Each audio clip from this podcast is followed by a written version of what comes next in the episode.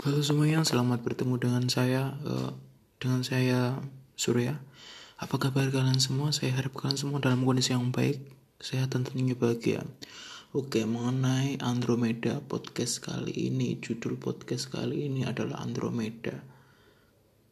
Mungkin kalian sebagian tahu itu Andromeda itu apa. Untuk yang belum tahu, mari dengarkan podcast ini.